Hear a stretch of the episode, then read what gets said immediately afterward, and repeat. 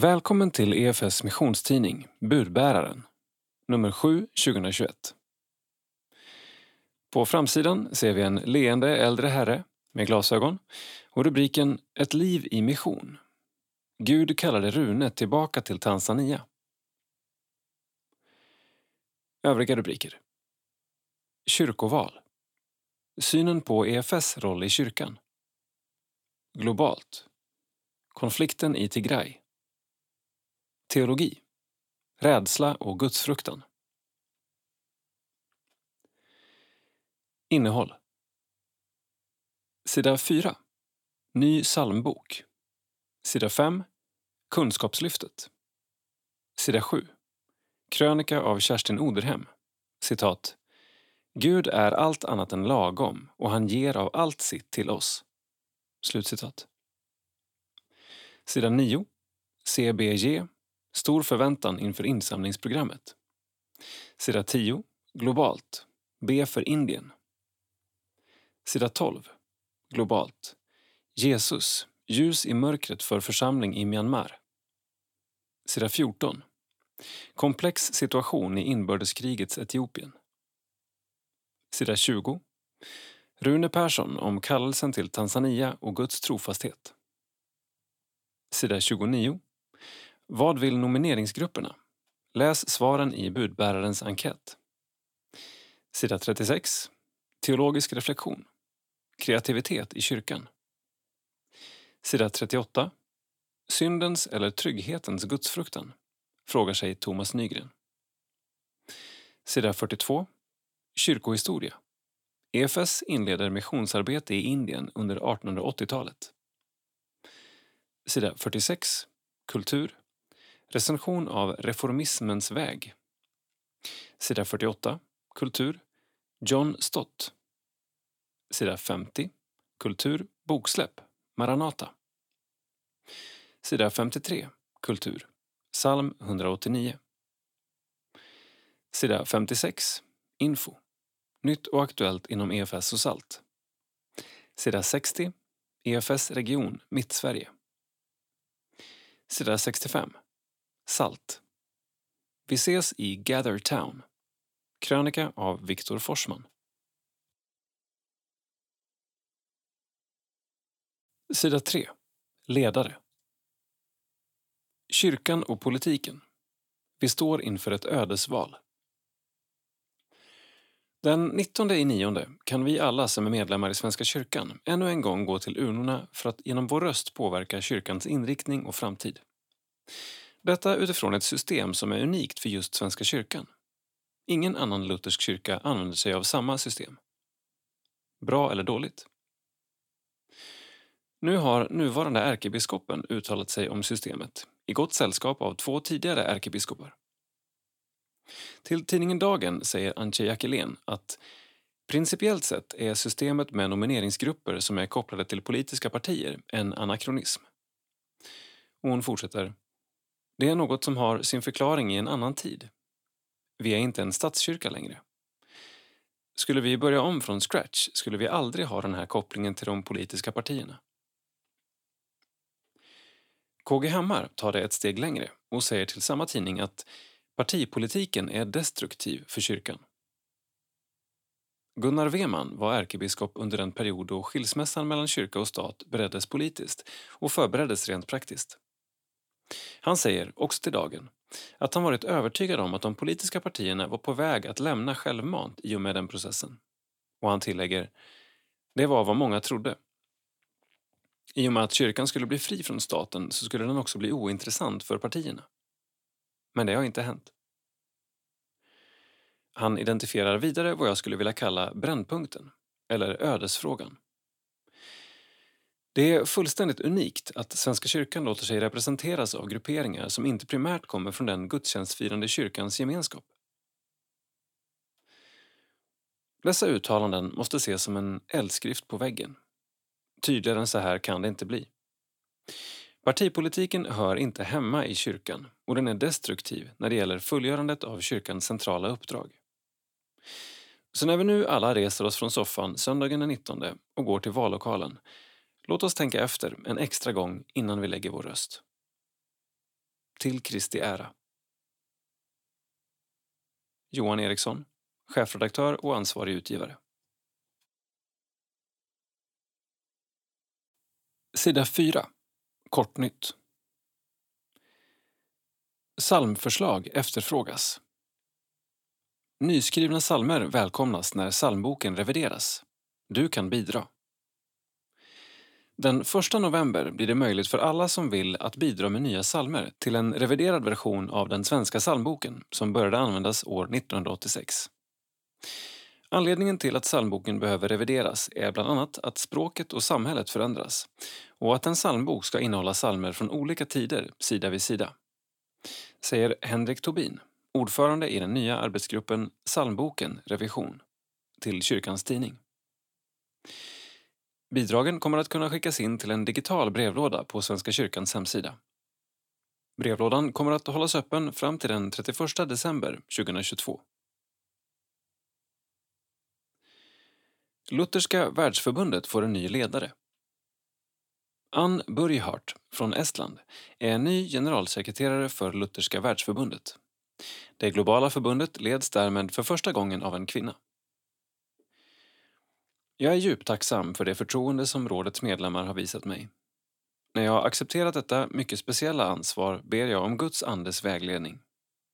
Jag gläder mig över att ha möjlighet att arbeta med rådet, med medlemskyrkor och med olika partners eftersom LVF fortsätter att delta i Guds helhetsuppdrag.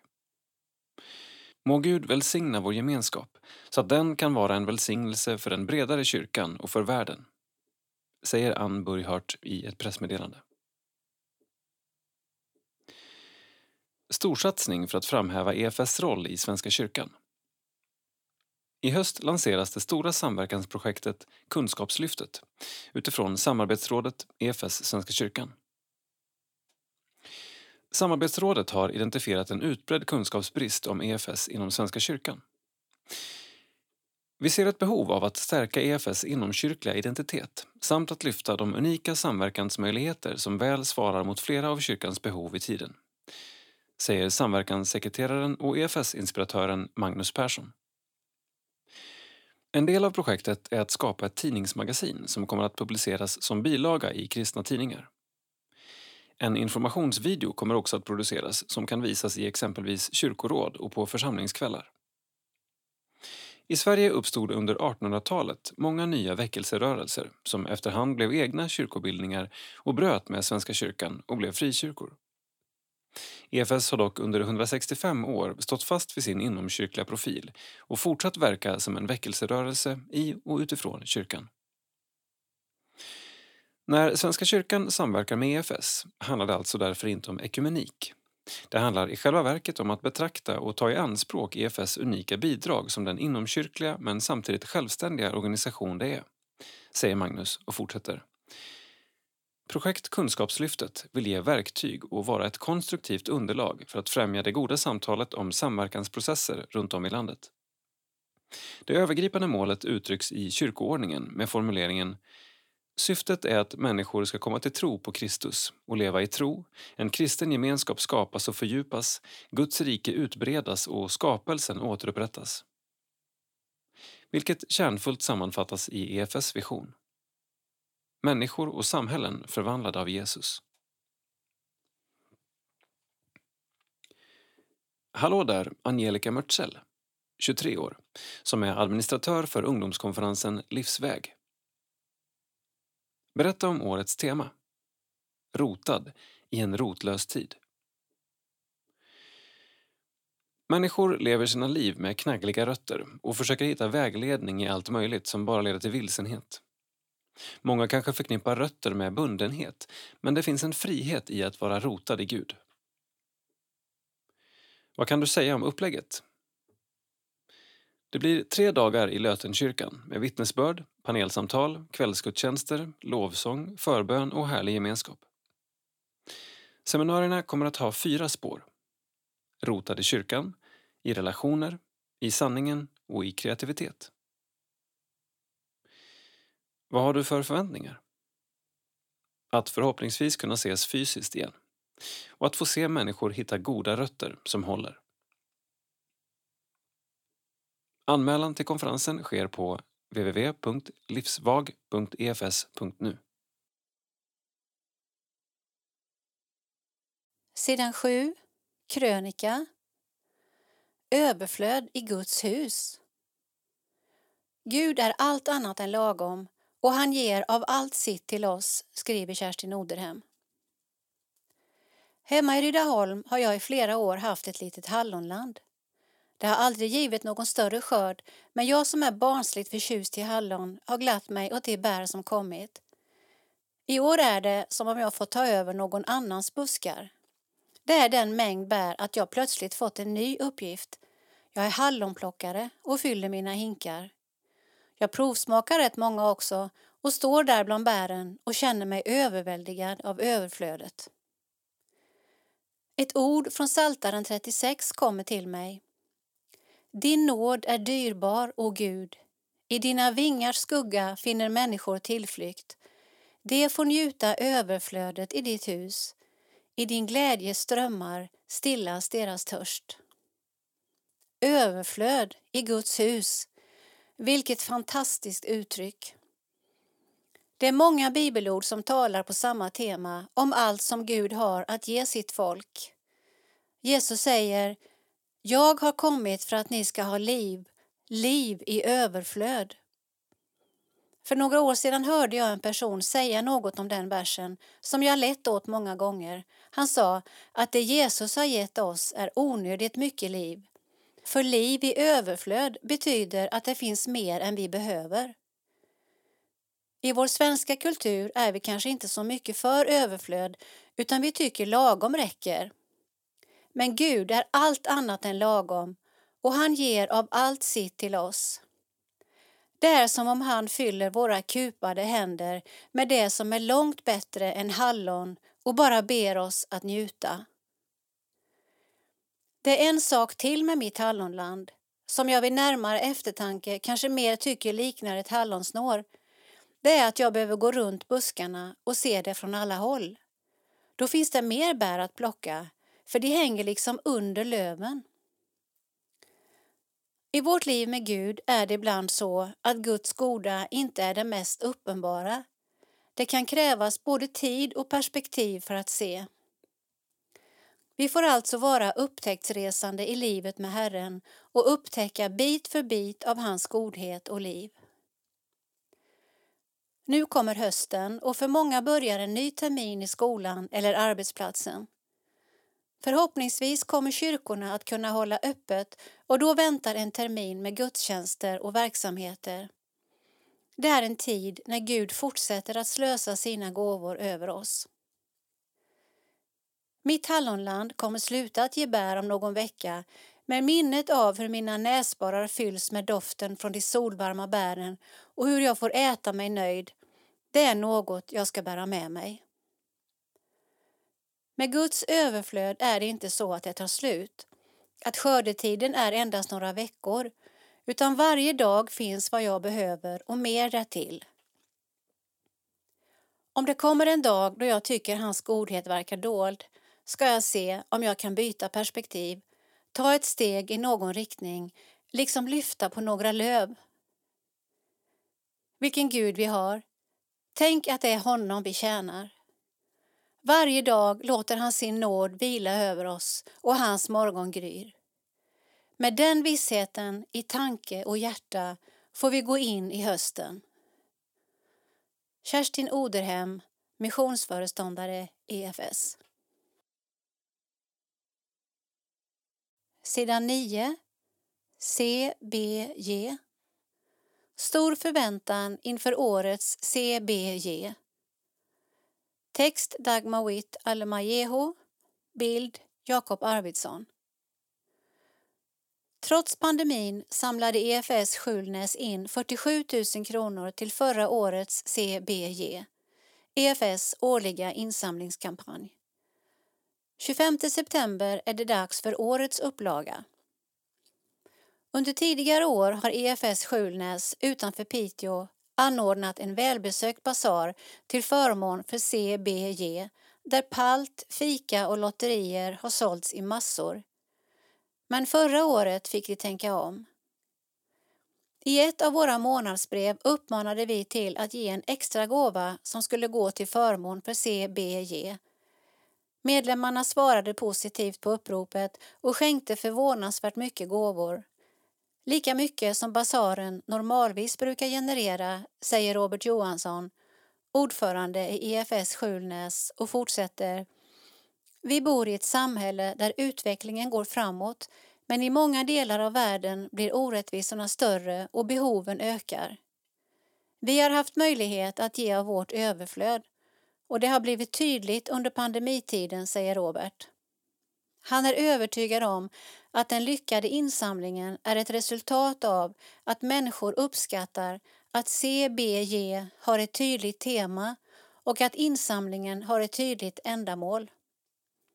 Det är förtroendeingivande för föreningsmedlemmarna och lättare att ta till sig budskapet då. Robert hoppas att den årliga basaren blir av i år men om inte är föreningen beredda på att ta till kreativa lösningar. Vi hade ett styrelsemöte häromveckan och då såg det ut som om coronarestriktionerna skulle lätta. Ibland har vi varit lite beroende av fysiska träffar när det kommer till kollekt och missionsaktioner men vi har sett att det här med givande fungerar även på distans. CBG sänds den 25 september och går under temat Människor och samhällen förvandlade av Jesus. EFS Skjulnäs tipsar. Så kan föreningar engagera sig inför CBG. 1. Förmedla viktig information i god tid och var tydliga. 2. Tänk utanför boxen och utifrån behoven som finns. Alla föreningar har olika förutsättningar. Hitta det som fungerar för just er. 3. Inspireras av andra. EFS och budbäraren kan vara en plattform där man kan inspirera och inspireras av varandra. Sida 10. Globalt. Situationen är fortsatt oklar i ELC i Madhya Pradesh, Indien efter att hela kyrkoledningen anklagats för korruption. Text och bild Jakob Arvidsson. Uppmaning till bön för kyrkan i Indien. I budbäraren nummer två berättade vi om de allvarliga anklagelser om korruption som riktas mot Evangelical Lutheran Churchs, ELCs, kyrkoledning i Madhya Pradesh, Indien.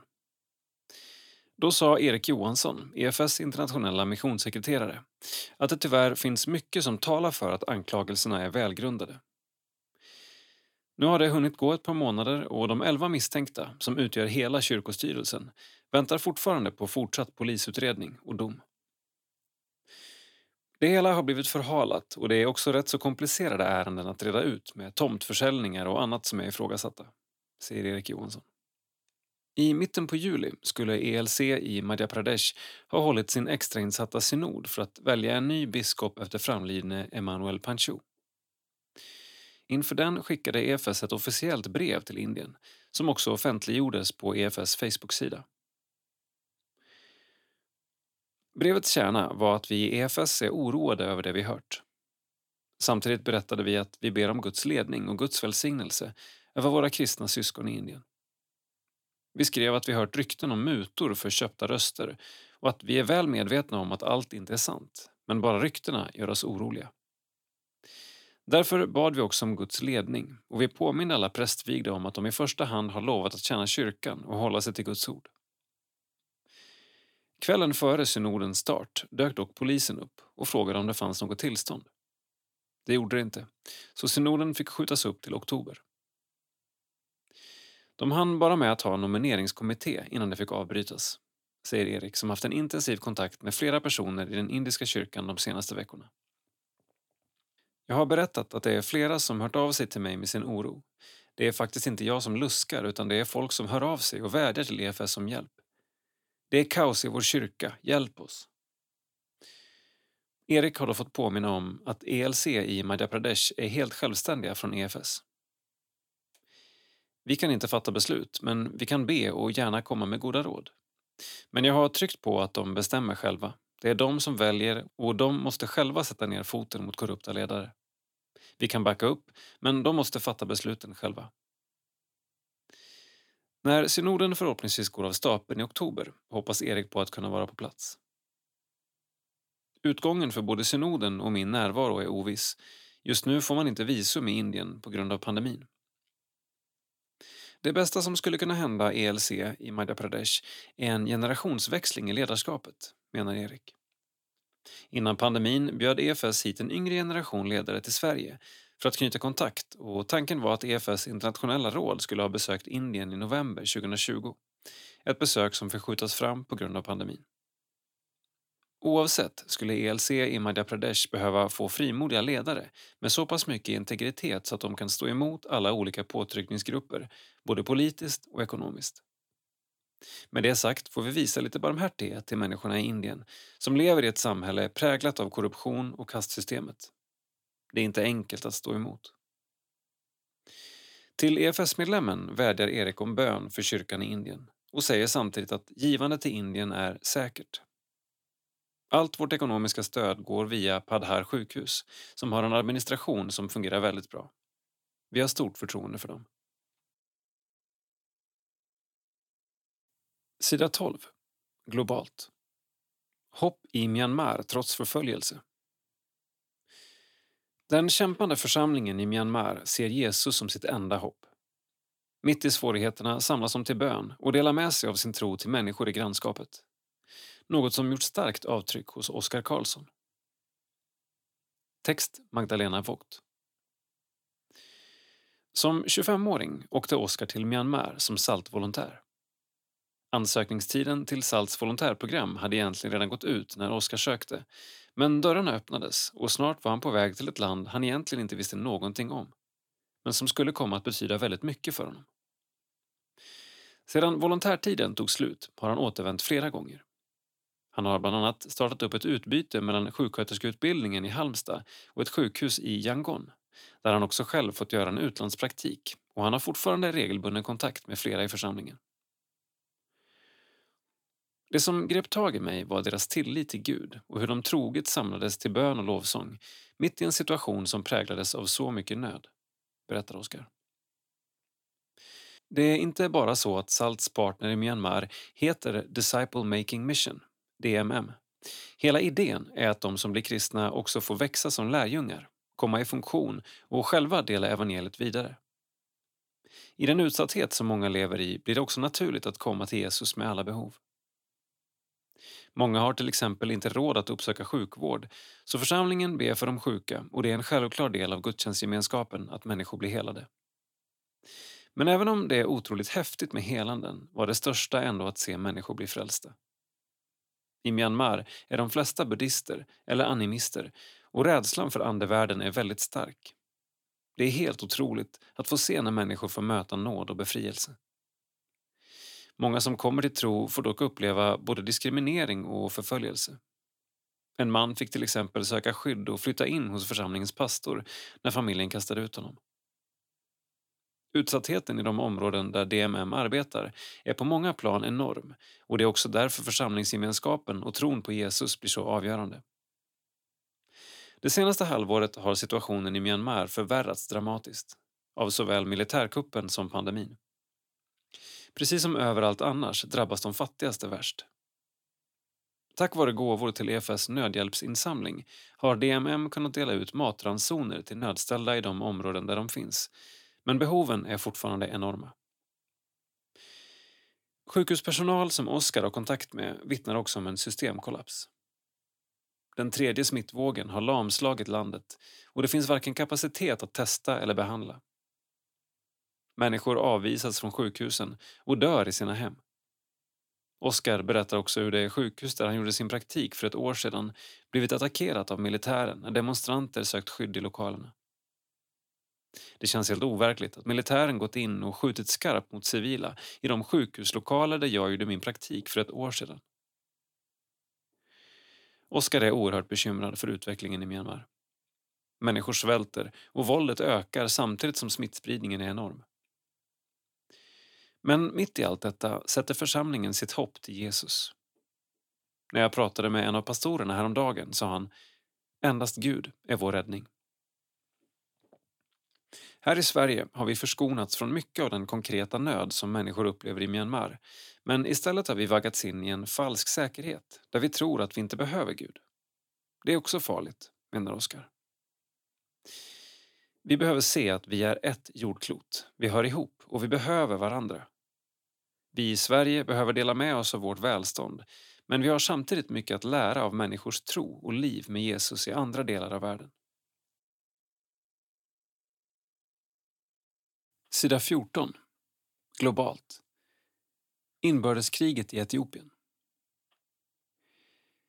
TPLFs attack mot den federala etiopiska arméns militärförläggningar i Tigray i november 2020 blev början på ett inbördeskrig. Text Mikael Ståhl, bild TT. Regeringen i Addis Abeba reagerade omedelbart på TPLFs attack och dirigerade federala styrkor norrut. Samtidigt aktiverades den säkerhetspolitiska delen av fredsfördraget mellan Etiopien och Eritrea varvid eritreanska förband gick över gränsen. TPLFs styrkor var inriktade på en offensiv söderut mot Addis Abeba men hejdades av den federala armén i samarbete med Amhara-regionens militära förband. Under stridigheternas första tre veckor tvingades TPLF retirera och den federala armén omringade huvudstaden Mekelle som intogs efter artilleribeskjutning. Då hade TPLFs ledarskikt redan lämnat staden och omgrupperat splittrade förband i bergstrakterna i Tembien. Samtidigt opererade eritreanska förband i den norra delen. Enligt premiärminister Abiy Ahmed var det fråga om en polisiär insats för att återupprätta lag och ordning i regionen där TPLF gjort väpnat uppror. TPLFs sagesmän bekräftade att de startat fientligheterna men att det skedde i nödvärn inför ett förväntat anfall från Addis Abeba och Asmara. Det finns fog för båda förklaringarna.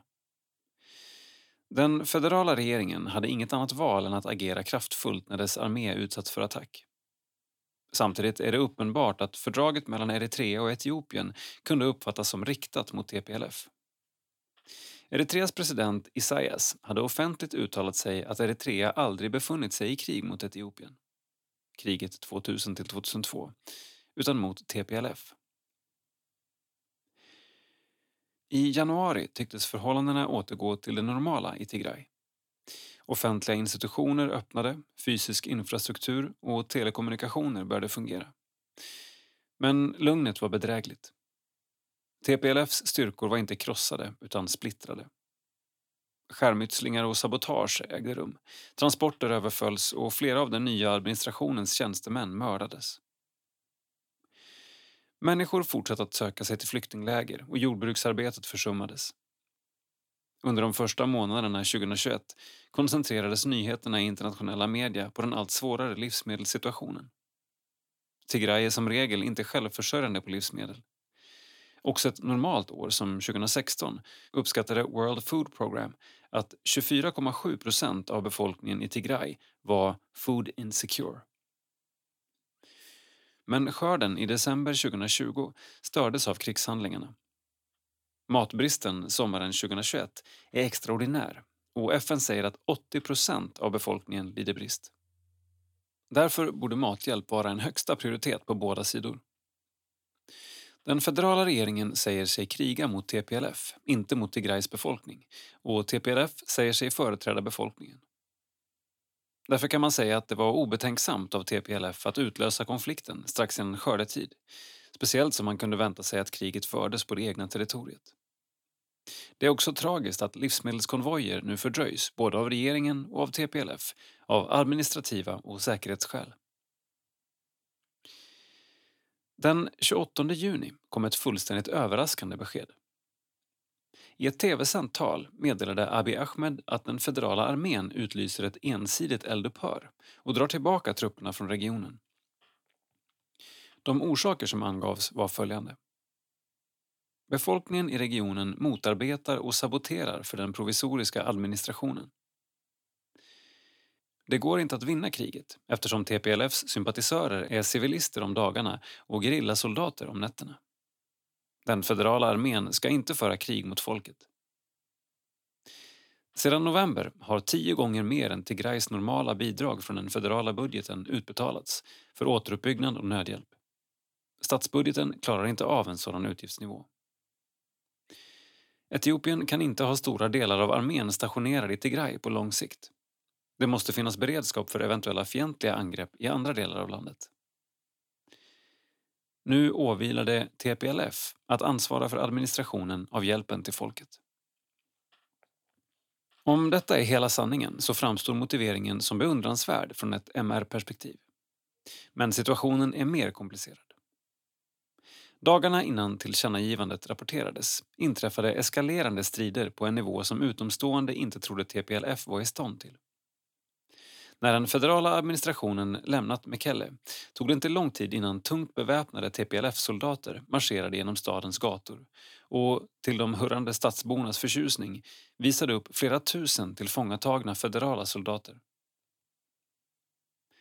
Skedde Abis ensidiga vapenvila under galgen? Han har under flera månader varit utsatt för hård press från USA och EU vilka dragit in bistånd och krävt eldupphör för att återuppta det. Vidare tyder det stora antalet förödmjukade fångna federala soldater i Mekelle på att den federala armén lidit nederlag. TPLFs uttalanden har därefter varit stridslystna. Talespersonen Getachev Redda förklarade att man inte tänkte hörsamma Addis Abebas uppmaning till vapenvila. Enligt Al Jazeera, 29 6, sa han till AFP att de, TPLF, var beredda att förfölja sina politiska motståndare långt bortom Tigray. Även så långt som till huvudstäderna i Etiopien och grannskapet Eritrea, som har allierat sig med Abiy. I första hand gäller detta hot västra Tigray som nu kontrolleras av Amhara-regionens militära styrkor. Området är ett bördigt lågland med stora kommersiella jordbruksföretag som gränsar till Sudan. Om TPLF tänker sig en fortsatt fientlig relation till Addis Abeba så är det strategiskt avgörande att ha en internationell gräns. Men situationen är komplicerad eftersom området inte är en del av det historiska Tigray utan sedan medeltiden varit känt som Volkate. En del av de amhariska provinserna Beghemder, sedermera Gondar. TPLF inkorporerade Volcate 1994 när de tog över hela styret av landet uppmuntrade tigreanska bosättare att slå sig ner, trakasserade den amhariska befolkningen och förbjöd amhariska att undervisas i skolorna. Sedan dess finns det i Amhara-regionen en politisk rörelse som argumenterar för de fördrivna amhararnas sak. I inbördeskrigets inledningsskede tog Amhara-regionens styrkor kontroll över området varvid delar av den tigreanska befolkningen flydde medan tidigare fördrivna amharer återinflyttade. När detta skrivs står tigreanska och amhariska militära enheter mot varandra vid den regionala gränsen. USA, som driver en pro-TPLF-linje, säger att de amhariska miliserna måste lämna västra Tigray. Premiärminister Abiy, som är beroende av stöd från Amhara-regionen, kan svårligen gå med på detta. I min tidigare artikel Vad händer i Tigray? budbäraren nummer 3 2021 diskuterade jag informationskriget kring konflikten där tongivande internationella massmedia och organisationer tydligt tagit ställning. Man uppfattar TPLF som en tappert kämpande underdog mot övermakten Etiopien där fredspristagaren förvandlas till en krigshetsare som sanktionerar civila massakrer, våldtäkter, svält och etnisk rensning. Faktabakgrunden till en sådan bild är emellertid synnerligen skakig. Inne i Etiopien samlar Abiy sympatier inte minst sedan TPLF börjat föra trupper mot Volkate, mot norra Wollo och in i Afar-regionen. Den 22 juli hölls massdemonstrationer i Addis Abeba till förmån för premiärministern och landets enhet. Flera regioner, till exempel Sidama, lovade sända sina regionala säkerhetsstyrkor norrut för att hjälpa den federala armén att stå emot TPLFs attacker. TPLF mobiliserar också totalt. Både äldre män och barn ingår i trupperna. Enligt Borkena News, 24 i sjunde, säger talespersonen Getachev Redda att familjer som vägrar sända sina barn till krigstjänst inte kommer att få ta del av FNs livsmedelsbistånd som nu administreras av TPLF. Den 24 juli rapporterade två kanadensiska forskare hur barnsoldater används av TPLF i deras pågående offensiv mot Amhara-regionen. Anne Fitzgerald och Hugh Segal. Canada must respond to use of child soldiers in Tigray. Ethio12.com det återstår att se huruvida Amhara-trupperna också mobiliserar barn. Men Etiopien är mycket mer än Tigray. De nationella valen till parlamentet hölls den 21 juni i sju av landets tio regioner. Av de 37 miljoner som hade registrerat sig gick 90 procent till valurnorna där 47 partier, de flesta lokala, ställde upp. Abis Prosperity Party fick överlägset flest röster. Kompletterande val ska hållas i september i de regioner, valkretsar som inte deltog, men inte i Tigray. Valet övervakades av bland andra Afrikanska unionen som i sin preliminära sammanfattning noterade att valet hållit god ordning och varit fridfullt. USA, som inte skickade observatörer, kallade valet betydligt bristfälligt. Det slutgiltiga resultatet återstår att fastställa men det står klart att Abiy Ahmed blir vald att leda landet för en femårsperiod. En viktig fråga för det nya parlamentet blir att skriva om landets konstitution. Man kan förvänta sig att den av TPLF införda etniskt baserade regionala indelningen kommer att revideras. När detta skrivs, 27 juli, är konflikten i högsta grad pågående. Det går inte att med någon tillförlitlighet spekulera om hur och när den kan biläggas och landets energi riktas mot gemensamma utvecklingsansträngningar. Mikael Ståhl har tidigare varit chef för International Foundation for Science och för Nordiska Afrikainstitutet.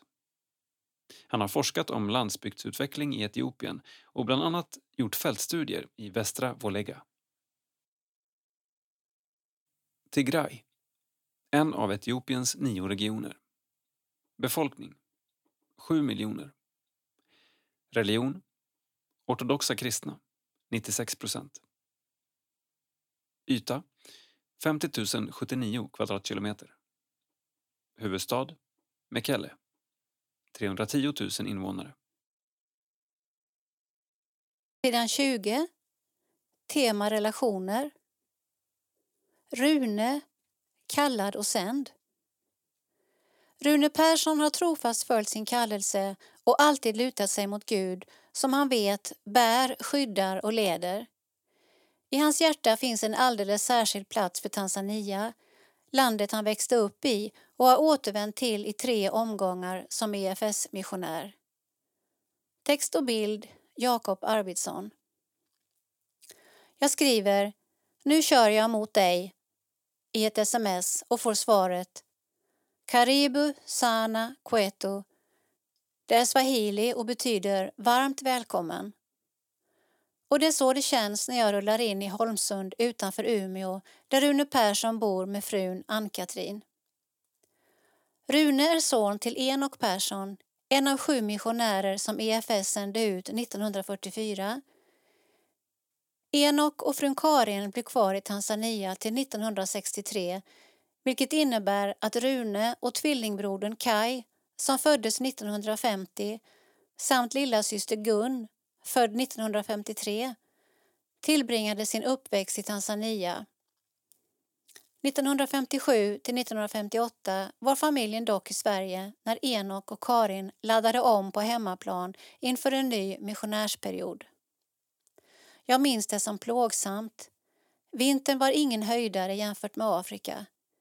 Vi frågade ofta våra föräldrar när vi skulle åka hem igen, alltså till Tanzania.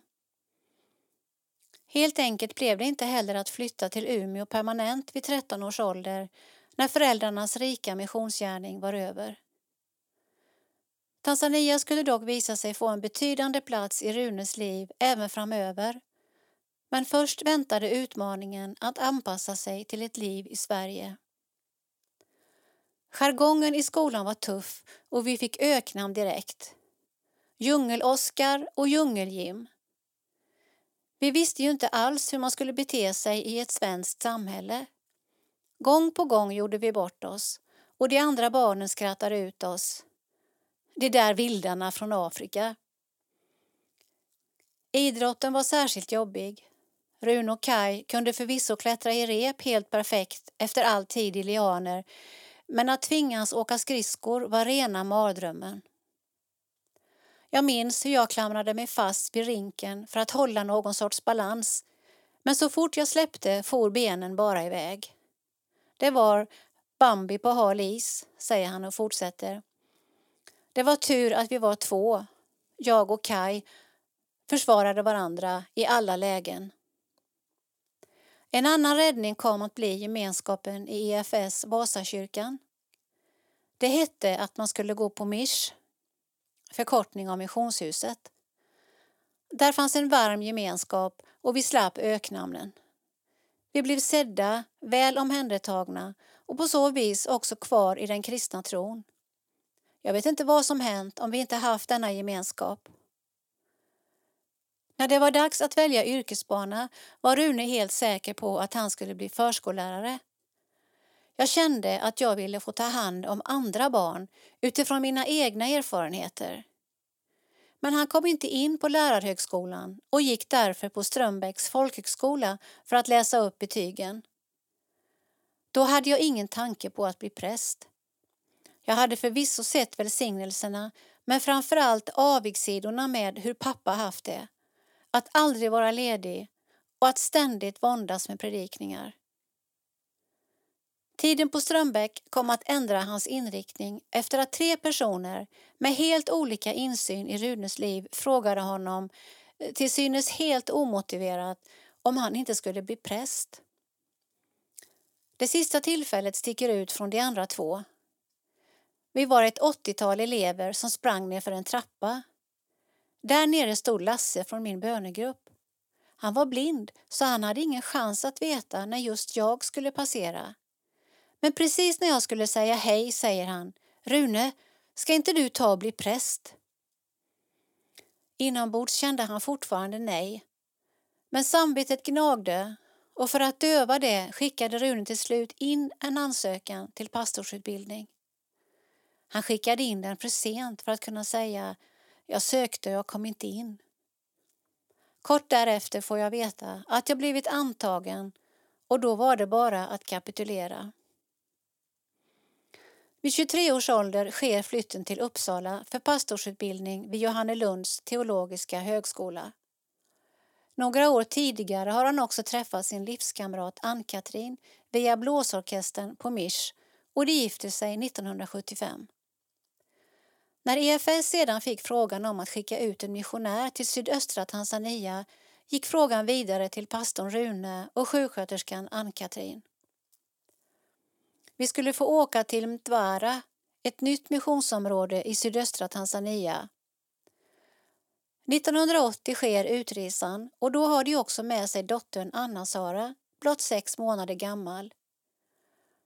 Samma höst prästvigs Rune i Iringa, bland annat för att kunna förvalta sakramenten i den lutherska kyrkan.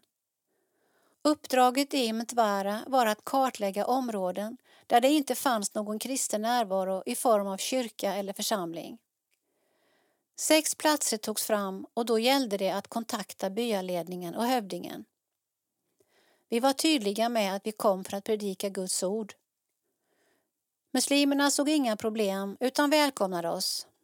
Vi sågs som byns gäster och fick ofta hedersplatser så det fanns ett förtroende för oss. Jag fick också ett extra förtroende som en vit människa, Mtsungu, som talade deras språk. Det måste vara något viktigt han har att säga. Ofta var hela byn samlad, men det fanns inga lokaler så vi fick lov att hitta en skuggig plats under något jättestort träd, säger Rune och fortsätter. Aposteln Paulus bedrev sin mission genom att åka runt i olika regioner, träffa folk, tillsätta äldste och bygga församlingar och jag tycker att vårt arbete påminner lite grann om det. Vi etablerade ett brofäste för evangeliet. Sedan fick arbetet göras av de som bodde på platsen. Då blev min uppgift att stötta och uppmuntra. Frukten av arbetet är fascinerande. Då var Metvara ett missionsområde som tillhörde det södra stiftet med kontor 100 mil bort. Nu är det ett eget stift. Och på platserna utan kristen närvaro finns nu kyrkobyggnader och församlingar som fortsätter att växa. Det är svårt att förstå det. Även om man följer statistik så är det en helt otrolig tillväxt. Det är evangeliets kraft som burit frukt. Tiden i Mutvara blev den första av fyra missionärsperioder i Runes liv. Efter drygt tio år i Sverige kom nämligen frågan att åka ut igen 1994. Då fanns det fyra barn med i bilden. De måste ju få gå ut skolan först, tänkte vi. Så det blev ett nej. Men alla barnen protesterade. Vi blev nästan chockade. De högg direkt och såg det som självklart att vi skulle åka iväg. Fru Ann-Katrin, som pysslar med lite annat under vår intervju, lyssnar lite på vårt samtal och kommer in i rummet. Så här i efterhand är det lätt att känna en stor tacksamhet till EFS som visade en enorm generositet genom att satsa på en familj med sex personer. Tänk på alla resekostnader, skolavgifter, träffar för missionärsbarnen och annat.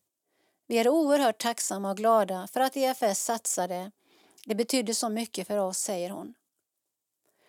Under den tredje missionärsperioden bodde Rune och Ann-Katrin i Iringa men barnen spreds ut rejält på tre olika internatskolor. Vår familj har aldrig någonsin varit så splittrad på pappret. Allra längst bort var Anna-Sara i Nairobi, 120 mil bort. Men frågar du våra barn så hade de allihop sin bästa tid i livet. Vi kom inte ifrån varandra utan fick snarare en naturlig och självklar vuxenkontakt. Det finns också ett kollektivt tänkande i det tanzaniska samhället som är väldigt välgörande. Barnen fanns ofta bland andra vuxna och då tar de hand om dem. På samma sätt förväntades vi ta hand om alla barn när de var hemma hos oss. När det var dags för mat var det bara att räkna hur många de är. Ofta 10 till 12 stycken. Koka ris och bönor, ställa fram en stor gryta och ge dem varsin sked, säger Ann-Katrin. Men det fanns också stunder då känslan av hjälplöshet kom fram. Det märks tydligt när man kommer ut att man är totalt beroende av Guds beskydd. Får jag en hjärtinfarkt här så ringer jag 112 och ambulansen kommer direkt. Där ute på vischan är man helt utelämnad. Vi har upplevt flera gånger hur våra barn blivit bevarade och hur Gud har gripit in i våra liv. Rune upplever också att han har kunnat vila i sin kallelse. Gud kallade mig och sände mig med löftet om att alltid vara med och det gäller fortfarande. Därför har jag sällan känt oro eller tvivel, för om Gud sänder mig ut tar han också konsekvenserna. Han bär, skyddar och leder. Det har känts tryggt. Under tredje och fjärde missionärsperioden som skedde 2010 till 2015 och utan barnen på plats jobbade Rune mycket med en av sina absoluta hjärtefrågor, TEE, Theological Education by Extension. En teologisk distanskurs som utbildar kristna ledare och är en av förklaringarna till kyrkans enorma tillväxt i Tanzania. I Etiopien har TEE funnits sedan 70-talet och därifrån spreds det bland annat via EFS till Tanzania. TEE-arbetets rika betydelse för kyrkan kommer budbäraren att berätta mer om i kommande nummer. Jag fascineras verkligen över redskapet TEE. Det är ett helt suveränt utbildnings och träningsredskap till en mycket liten kostnad men med ett otroligt bra resultat där utbildning och praktik går hand i hand. Första kursen handlar om lärjungaskap och att följa Jesus. Där blir alla också utmanade att personligen lämna över sitt liv till Jesus, annars är det ingen idé att de fortsätter. Andra kursen handlar om bön och andaktsliv och tredje kursen om evangelisation, att föra människor till Kristus. Åren har gått i rask takt och nu är Rune på väg att slå sig till ro. Han upplever att pensionärstiden inte bara är påhittad för skojs skull utan att det finns ett gott syfte med den kanske rent utav en gudomlig ordning. Jag har kommit till en punkt i livet där jag känner att jag har satsat och nu har jag rätt att ta igen mig lite grann. Det innebär dock inte att engagemanget för missionen eller EFS har minskat.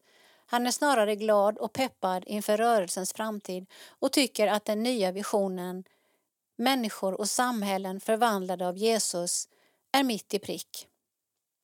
Vi har sett så många gånger i missionsarbetet att när Jesus kommer in i människors liv, då förändras deras liv och hela det sammanhang de lever i. I förlängningen förändras hela samhället när människor tar emot Jesus. EFS vision behöver inte tidsbegränsas utan den är ständigt aktuell. Och att den unga generationen som är på väg fram inom EFS tar för sig och vill något. Inte bara gå i fäders fotspår utan de vill något nytt. Det är en enorm uppmuntran för mig.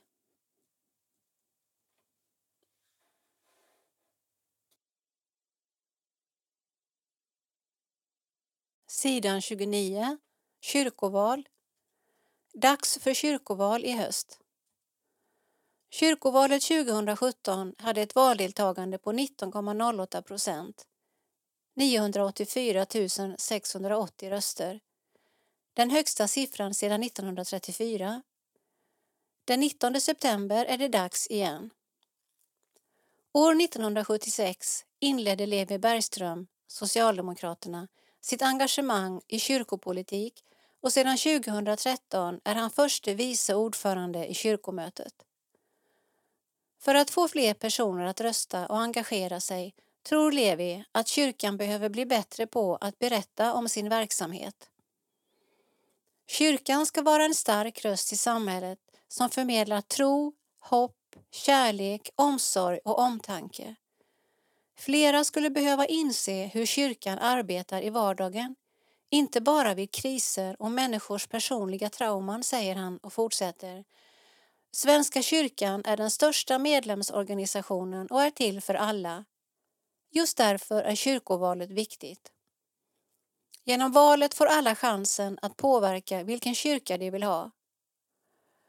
På kommande uppslag har nomineringsgrupperna fått chansen att svara på några frågor inför kyrkovalet. Levi får därför i denna artikel chansen att lyfta fram några av Socialdemokraternas hjärtefrågor. Vi vill ha en öppen demokratisk folkkyrka. En av våra viktigaste frågor är att all barn och ungdomsverksamhet ska vara avgiftsfri. En annan viktig punkt för oss är demokratin. Vi vill fortsättningsvis ha direktval till alla tre nivåerna. På frågan om EFS roll i Svenska kyrkan svarar han EFS som förening slash rörelse inom Svenska kyrkan kan med sin annorlunda organisation och ideella verksamhet vara en förebild för Svenska kyrkan. Men Svenska kyrkan och EFS har samma grundläggande uppgift. Levi Bergström Ålder 74 år Kommer från Uppvuxen i ett EFS-hem i Örträsk, Lycksele kommun. Bor sedan 2005 i Umeå. Intressen Trädgård, politik och idrott. Drömmer om ett högt valdeltagande i höstens kyrkoval, att valrörelsen blir lugn och saklig samt ett bra resultat för min nomineringsgrupp, innebandyklubben Dalen vinner ett SM och att pandemin lättar så vi återgår till ett normalare samhälle. Vad tycker ni? Söndagen den 19 september 2021 är det val i Svenska kyrkan. Inför valet har budbäraren gett samtliga nomineringsgrupper möjlighet att presentera sina ståndpunkter. Fråga 1. Varför har du valt att företräda din nomineringsgrupp? Fråga 2. Vilken är den viktigaste frågan som ni driver? Fråga 3. Hur ser ni på EFS roll i Svenska kyrkan och i kyrkovalet? Annette Lundqvist Larsson, ordförande, Borgerligt alternativ. 1. Borgerligt alternativ är en nomineringsgrupp med en kristen och allmänborgerlig värdegrund utan kopplingar till något politiskt parti som sätter församlingsverksamheten främst. 2. Borgerligt alternativ verkar för att församlingarnas behov sätts främst och driver på för friare församlingstillhörighet med möjlighet att vara medlem i en annan församling än den där man är folkbokförd. Vi vill motverka partipolitiseringen och dess inflytande i och över Svenska kyrkan, centralisering och tvångsvisa sammanslagningar av församlingar och tendensen att koncentrera makt och resurser till Svenska kyrkans nationella nivå. 3. Vi ser EFS som en positiv inomkyrklig rörelse i Svenska kyrkan som bidrar till engagemang i kyrkan. Därför är EFS en viktig kraft i årets kyrkoval för att mobilisera kyrkans medlemmar att rösta. Camilla W Heurén, ordförande Centerpartiet 1. Jag delar Centerpartiets grundläggande värderingar som stämmer väl överens med min kristna tro och övertygelse om varje människas frihet, rätt och unika värde. Centerpartiet vill, precis som Svenska kyrkan, ge kraft åt varje människa, hopp och framtidstro. 2. Till stiftsfullmäktige i Göteborgs stift har Centerpartiet politik och engagemang som omfattar alla delar av den öppna folkkyrkans verksamhet. Vi har valt att prioritera följande nyckelfrågor som kan ses som delar för att bilda en helhet. En medmänsklig kyrka, en modig kyrka, en klimatsmart kyrka, en kyrka med engagerade ideella och förtroendevalda. 3. Centerpartiet vill ha en öppen folkkyrka där alla är välkomna och olikheter ses som en styrka. Vi ser därför att EFS har en viktig roll att utifrån sin plattform bidra till visionen om en öppen folkkyrka. När det gäller kyrkovalet har EFS församlingar på samma sätt som alla församlingar en viktig uppgift att sprida information om kyrkovalet med förhoppningen om att fler ska bidra i den demokratiska processen att påverka. Ove Lindqvist, ordförande Fria liberaler i Svenska kyrkan, FISK. 1. Jag har valt att bli medlem i FISK därför att det är det mest naturliga valet för en liberalt sinnad person som jag själv är. I vårt handlingsprogram står bland annat att FISK arbetar för att öppenhet och tolerans ska genomsyra samtliga nivåer i Svenska kyrkan liksom i kyrkans internationella arbete. FISK kämpar mot rasism, diskriminering och homofobi. Detta låter sig lätt sägas, men vi är en nomineringsgrupp som menar allvar med det och som lever efter den devisen. 2. Förutom att efterleva det som står här ovan så är det frågan om fritt val av församling. FISK anser att du ska kunna vara aktiv och verka i den församling där du känner dig hemma.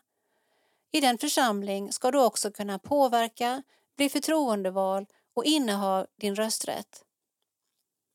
3. Jag uppfattar EFS som en organisation som betonar lekmannaengagemang och individens betydelse. Det innebär att EFS har stora likheter med FISK. En av våra punkter i vårt handlingsprogram betonar just de ideella insatserna. Vi menar att sådana insatser är nödvändiga om Svenska kyrkan fortsättningsvis ska kunna klara av sitt uppdrag. Maria Andersson, ordförande Frimodig kyrka 1. Frimodig kyrka står för en frimodig bekännelse av kyrkans tro. Allt har sitt ursprung och mål i Jesus Kristus, Guds son och världens frälsare. 2. Att kyrkan ska stå fri från partipolitisk maktkamp och i allt det hon är och gör få sin inspiration och vägledning av den helige Ande och läsningen av Bibeln och att dela vidare evangeliets vittnesbörd om Guds rike till alla människor. 3. EFS är en viktig rörelse inom Svenska kyrkan som står för mycket av det Frimodig kyrka vill värna om och se växa. Svenska kyrkan behöver EFS som missionsrörelse och lekmannarörelse med biblisk förkunnelse och en starkare gemenskap. Frimodig kyrka vill stärka samarbetet med Johannelunds teologiska högskola och välkomnar fler samarbetskyrkor. Vi är glada över att många från EFS representerar Frimodig kyrka i kyrkovalet. Ulrika Karlsson, initiativtagare och ordförande Himmel och jord. 1. Jag har startat Himmel och jord eftersom jag såg det som viktigt att det fanns en partipolitisk obunden nomineringsgrupp som prioriterar miljöfrågor i kyrkan. Många av Himmel och jords kandidater är unga och vi vill liva upp och vitalisera kyrkopolitiken. 2. Den viktigaste frågan som vi driver handlar om ett förändrat skogsbruk på kyrkans marker. Himmel och jord vill se ett kontinuitetsbruk utan kalhyggen, alltså ett brukande av skogen där ekosystemen hålls någorlunda intakta. Gammelskogar och naturskogar ska få stå kvar skyddade i kyrkans ägo. Vi ser att många skulle komma tillbaka till kyrkan bara de såg att skogen sköttes i samklang med tron. 3. EFS har en betydande roll bara genom att kyrkovalet uppmärksammas här i er tidning. EFS kan genom alla sina aktiviteter sprida budskapet om att Svenska kyrkan är demokratiskt styrd och att det går att påverka som medlem. Genom att EFS har mycket barn och ungdomsverksamhet ligger det nära till hands att påminna om att även 16-åringar kan rösta trots att man ännu inte är myndig. Torbjörn Aronsson, förste vice ordförande Kristdemokraterna i Svenska kyrkan, KR. 1. För att KR representerar sådana som jag, det vill säga frikyrkliga som är dubbelanslutna. KR är inte en partipolitisk grupp utan en fristående nomineringsgrupp som bygger sitt program på den kristdemokratiska idétraditionen. Kyrkomötet ska inte besluta om kyrkans lära utan syssla med frågor som rör det konkreta kyrkolivet, kyrkans organisation, ekonomi, diakoni med mera. Där passar våra kristdemokratiska utgångspunkter utmärkt. 2. Vi har en ekumenisk orientering, försvarar människovärdet, äktenskapet mellan man och kvinna och vill ha en kyrka för hela familjen. Stödet till institutionssjälavården och kristna friskolor i kyrkans regi är andra viktiga frågor. 3. Vi uppmuntrar alla EFS-are att rösta och ta del i kyrkovalet. Vi tycker också att Svenska kyrkan bör sluta motsvarande avtal man gjort med EFS med även andra inomkyrkliga fromhetsrörelser som ELM och OAS-rörelsen.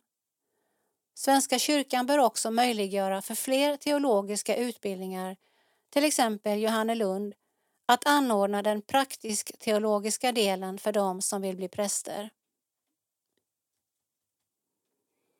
Peder Folin, ordförande, och Linnea Tibell, nummer ett på kyrkomöteslistan Kyrklig samverkan i Visby stift. 1. Kyrklig samverkan i Visby stift är en Gotlandsgrupp med aktiva i församlingar, pastorat och stift, har haft mandat i 16 år i kyrkomötet. Vi har tre ledord som understryker det vi vill främja som kyrka. Mötas, vila, växa. Kyrkan ska vara en naturlig mötesplats som ger vila och gemenskap där den kristna tron kan få växa, säger Peder Folin. 2. Det jag vill arbeta för är undervisning, att vi har bra kvalitet på vårt arbete så att musiker och pedagoger får bra utbildning och är behöriga inom sina områden. Detta medför att vårt barn och ungdomsarbete blir en väg in i kyrkan samt att den väcker intresse för att arbeta inom kyrkan, säger Linnea Tibell. 3.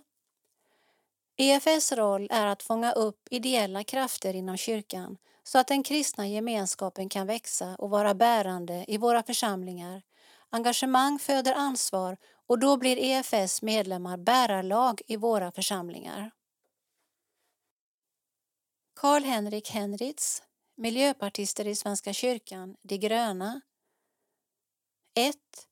Därför att ingen annan nomineringsgrupp, kyrkopolitiskt parti, har ett heltäckande perspektiv över Svenska kyrkans skapelsesyn, ekoteologisk grund, som MPSK, De gröna.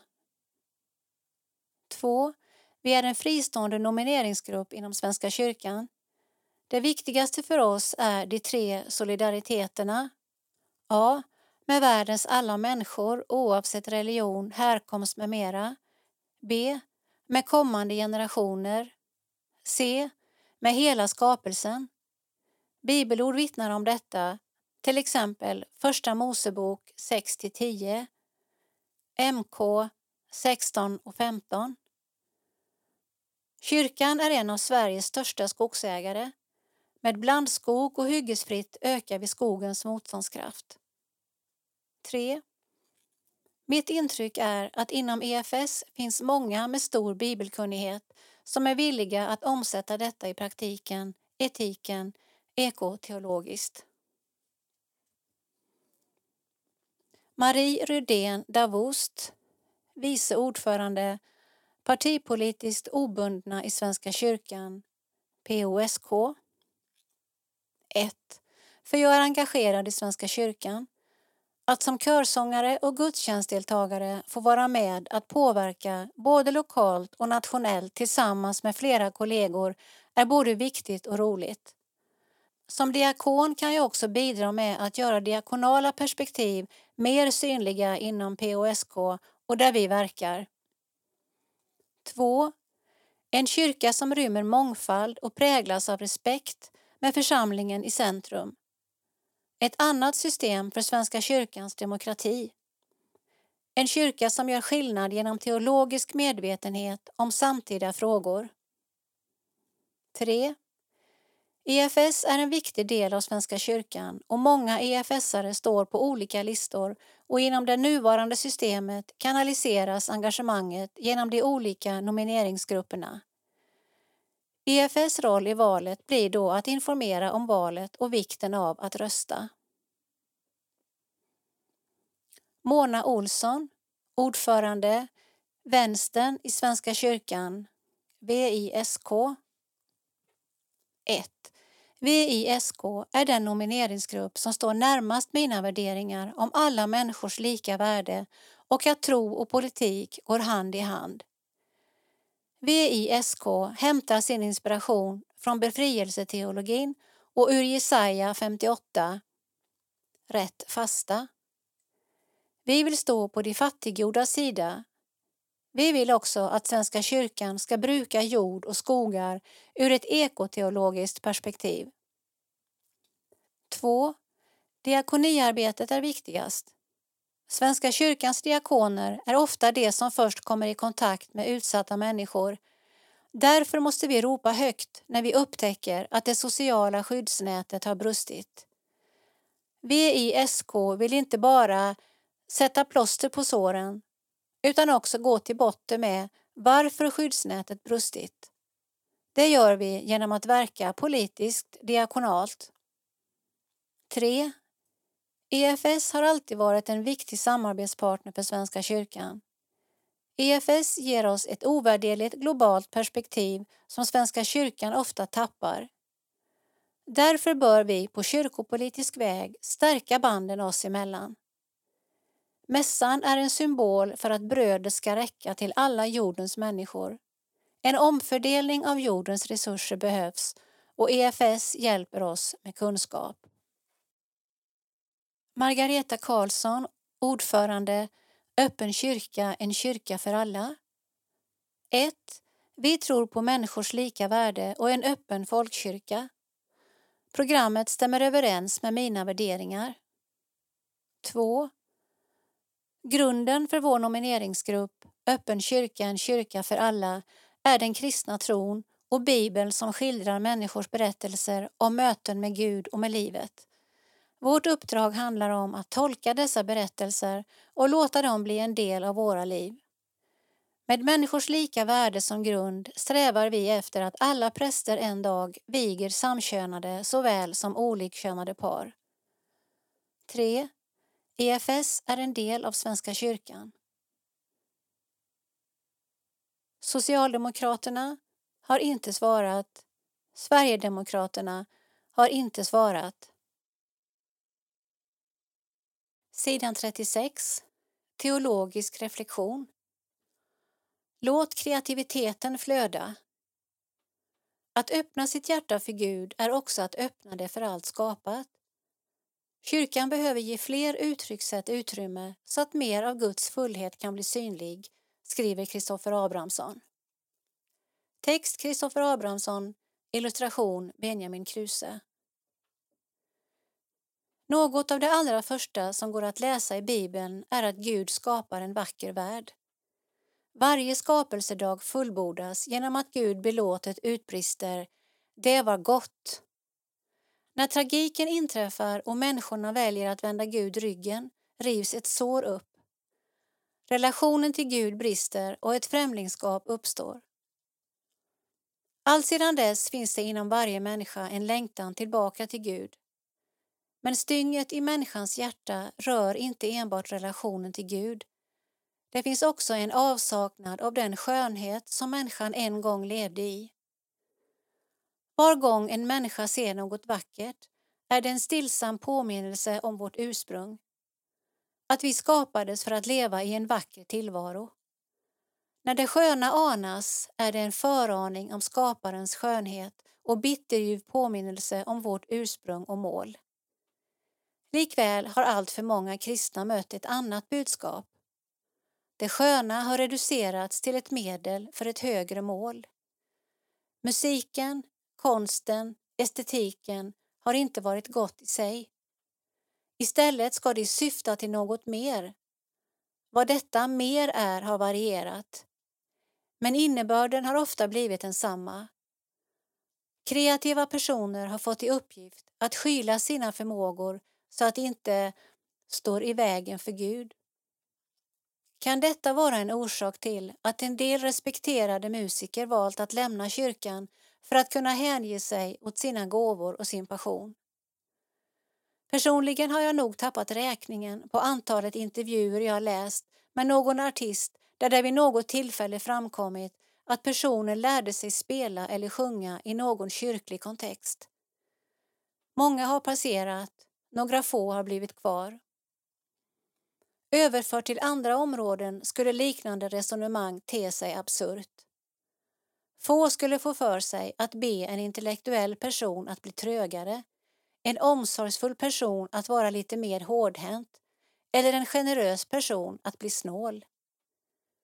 Likväl har det sköna ofta setts som en konkurrent till det sanna. Ett sådant tragiskt exempel är kanske de vitkalkade kyrkorna. Kyrkan försökte dölja målningar, ikoner och konstverk så att de som firade gudstjänst inte skulle bli distraherade. Uppgiften var nu att lyssna till det talade ordet. Därmed stängdes också dörren för att närma sig Gud med något annat än örat. Ordet i Bibeln är inte främst det skrivna eller talade ordet utan en person, Jesus Kristus. I evangelierna blir det tydligt att det är lärjungarnas ögon som känner igen Jesus som den uppståndne. Visserligen kan det ibland ta ett tag för dem att se Jesus, men när slöjan rycks bort utbrister de Det är Herren! Det är det uppmärksamma ögat som leder till ett lyssnande öra och ett öppet hjärta. Det sköna och det sanna är inte varandras konkurrenter utan fullkomnas i och med varandra. På samma sätt som en medmänniskas omsorg blir ett tecken på Guds omsorg och en annan persons generositet ett vittnesbörd om Guds givmildhet kan det sköna bli en ikon gentemot skaparen. Givetvis fanns och finns det förklaringar till varför kyrkan vitkalkade kyrkor och det kluvna förhållningssättet till konst. Det skapade har blivit tillbett istället för skaparen. Men lösningen kan aldrig vara att upphöra med något som i grunden är gott bara för att det kan missbrukas. Hur kan vi då låta kreativiteten flöda i våra gemenskaper? Några nycklar kan vara 1. Bejaka det skapade. När det skapade ses som något gott kan vi omfamna det. Som någon har sagt, Gud skapade oss för att vara medskapare. Det är med detta som grund mitt hjärta kan öppnas för det kreativa. 2. Återta skaparlusten. Ett barn besitter vanligtvis förmågan att skapa utifrån lust. När vi blir vuxna går skapandet ofta från att vara lustfyllt till att bli prestationsbaserat. Vi vill visa upp det som gjorts via sociala medier eller för att det ska säljas. Detta hämmar vår kreativitet. Därför behöver vi försöka skapa för glädjen i att skapa i sig. 3. Tillåt kreativitet i gudstjänsten. Det som görs och blir synligt i gudstjänsten formar hur vi lever våra liv. Genom att tillåta olika kreativa uttryck såsom dans, målningar, drama, poesi och annat blir mer av Guds mångfald synlig. Fler gåvor kommer i funktion och vittnesbördet om Gud blir rikare. Det sköna öppnar upp mitt hjärta för det sanna. Det sanna gör mig villig att söka det sköna. När våra olika sinnen tillåts få utrymme i gudstjänsten och våra gemenskaper kommer relationen till Gud att fördjupas. Vi blir då ett vittne om en Gud som möter oss i all vår mänsklighet med hela sin gudomlighet. Sidan 38. Rädsla och gudsfruktan. Det finns en syndens gudsfruktan som innebär rädsla i mötet med en helig Gud. Men det finns också en gudsfruktan som innebär en trygghet som tränger undan rädsla, skriver Thomas Nygren. Text Thomas Nygren, illustration Benjamin Kruse. Jag menar att religion först och främst baseras på fruktan, sa en av 1900-talets stora filosofer, ateisten Bertrand Russell, i slutklämmen i ett berömt tal 1927, Why I am not a Christian, varför jag inte är kristen. I talet förutspådde han hur den rädsla som topprider människan, inklusive den grymhet rädslan föder, med vetenskapens hjälp kommer att trängas undan. Citat.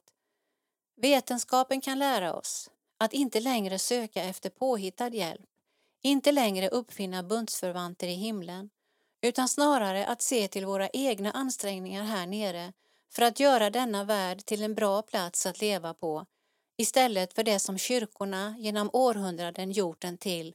Slut citat. Parentes min översättning. Hur står sig då Russells profetia idag?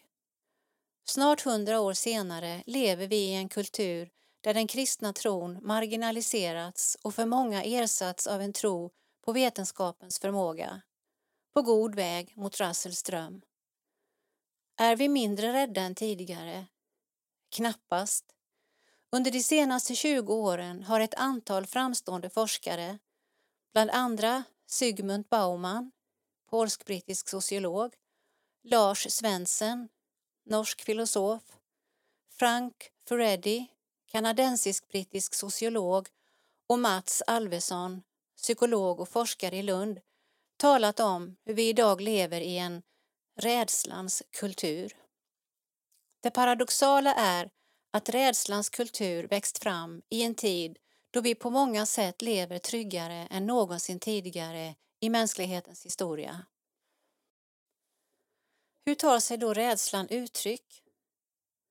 Ett uttryck är enligt Freddy vår stora upptagenhet vid trygghet. Vi sätter strålkastarljuset på risker för att söka eliminera dem. Vår samtid är full av på sitt sätt lovvärda nollvisioner. Vi har fått en hel riskelimineringsindustri som påminner oss om hoten och säljer trygghet. Parentes, jag hade medan jag satt och skrev detta besök av en man från ett larmföretag. Slutparentes. Våra arbetsplatser fylls av kontroller, säkerhetsrutiner och rapporter för att riskminimera. Mycket av detta är givetvis bra, men vi verkar ha svårt att se var gränsen för bra nog går. En annan sida av samma upptagenhet vid trygghet är att media gärna publicerar larmrapporter, vilket inte minst blivit tydligt i den pandemi vi genomlevt. Även det politiska livet kretsar till stor del kring rädsla och risker. Den typiska politiska kampanjen idag handlar inte om de egna visionerna så mycket som de stora risker som finns om meningsmotståndarna får makten. Valkampanjer i västvärlden styrs av rädslans strategier vilket varit mer än tydligt vid de senaste presidentvalen i USA. Nej, att marginalisera Gud och kristen tro har verkligen inte visat sig vara ett effektivt medel mot rädsla. Varför hjälper det inte mot rädsla att plocka bort kristen tro från livet? Varför har Russell fått så gruvligt fel? Ett svar är att vi som människor har ett ofrånkomligt behov av att sätta vår förtröstan och vårt hopp till något. Har vi inte Gud blir det något annat som vi sätter högst i livet och som tar Guds plats. När Gud blivit bortsorterad är det som återstår att sätta sitt hopp till sådant som hör till skapelsens goda. Ägodelar, makt, karriär, hobbys, utseende, sex, relationer, familj och så vidare. Med andra ord blir vi enbart hänvisade till att samla oss skatter på jorden om vi sorterat bort Gud. Jesu ord i bergspredikan är mycket avslöjande. Samla inte skatter här på jorden där mal och mask förstör och tjuvar bryter sig in och stjäl. Samla skatter i himlen där varken mal eller mask förstör och inga tjuvar bryter sig in och stjäl. Ty där din skatt är, där kommer också ditt hjärta att vara. Matteusevangeliet 6, 19-20 Mal och mask finns som ständiga hot mot dem som bygger sina liv och sin trygghet på goda saker i skapelsen. Trygghetens skugga är därför alltid en fruktan för att det som ger mig trygghet ska tas ifrån mig. Hur har rädslans kultur då påverkat oss kristna? Onödigt mycket enligt den brittiske teologen Michael Reeves. Reeves säger i sin nyutkomna bok Rejoice and tremble the surprising good news, the fear of the Lord att vi inte längre talar eller predikar om gudsfruktan i våra kyrkor eftersom ordet fruktan blivit så negativt laddat. Det har i sin tur gjort att vi inte förstår vad gudsfruktan egentligen innebär, vilket öppnar upp för alla möjliga rädslor att ta över våra liv. Det är bara en sund gudsfruktan som i längden kan driva ut denna allmänna rädsla och fruktan som fyller vår samtid. Frågan är då vad gudsfruktan egentligen är. Det första vi behöver konstatera är att gudsfruktan i Bibeln är ett rikt, mångdimensionellt ord till skillnad från det endimensionellt negativa innehåll av rädsla och skräck som vår kultur ger det. Slutet av Andra Moseboken 20 är upplysande när man funderar på vad gudsfruktan är. Där framkommer två dimensioner av fruktan för Gud. I kapitlet står det om hur Mose tog emot budorden från Gud. När Israels folk såg åskan, flammorna och de fenomen som åtföljde att Gud talade till Mose står det att de darrade av fruktan. De ville absolut inte att Gud skulle tala till dem direkt. Den hotfulla direktkontakten fick Mose sköta. Moses svar är mycket intressant vers 20. Där framkommer att folket inte ska vara rädda, men att Gud vill lära dem att frukta honom. Här står alltså gudsfruktan närmast som en motsats till rädsla för Gud. Det finns en syndens gudsfruktan som innebär rädsla i mötet med den helige Gud, den som folket hade, men det finns också en gudsfruktan som Mose lyfter fram som innebär en trygghet som tränger undan rädsla jag får vara på den helige och allsmäktige Gudens sida. Ett annat exempel på gudsfruktan finns i Jeremiaboken 33, vers 8-9, där den beskrivs som en följd av Guds goda gåvor, nåd och förlåtelse. Gudsfruktan är ett stort och centralt tema i både Gamla och Nya testamentet. Ordet har många bottnar och står för gudsrelationen i dess helhet nästan synonymt med ordet tro. Det handlar om en varm, vördnadsfull respekt. Gudsfruktan utvecklas i människan i mötet med Guds helighet, Guds makt och inte minst Guds kärlek och nåd. Den bär i sig alla dessa dimensioner för den kristne, den gudfruktige. Vad innebär då gudsfruktan praktiskt i mitt liv? Det finns många saker att lyfta fram. Jag väljer här att peka på tre praktiska följder. 1. Om jag fruktar Gud ger det mig resurser att hantera livets alla rädslor. Om jag vilar i den helige, allsmäktige, kärleksfulle Gudens famn som gjort sig känd genom Jesu liv och död för mig ser jag att den yttersta tryggheten, den inför evigheten, är min. Då får livets alla hot och faror sina rätta proportioner. 2. Om jag lever i gudsfruktan kommer det att tränga undan människofruktan. Den som böjer knä inför Gud kan stå rakryggad inför människor, om än aldrig så hotfulla. Jag vet att Gud är min domare och att Jesus är min frälsare. 3. Gudsfruktan kommer att vara en hjälp att låta Gud vara Gud. Frestelsen att låta Gud bli ett medel för mig att förverkliga mina egna mål ligger dessvärre alltid där. Detta märks inte minst i våra böner, när vi villkorar dem.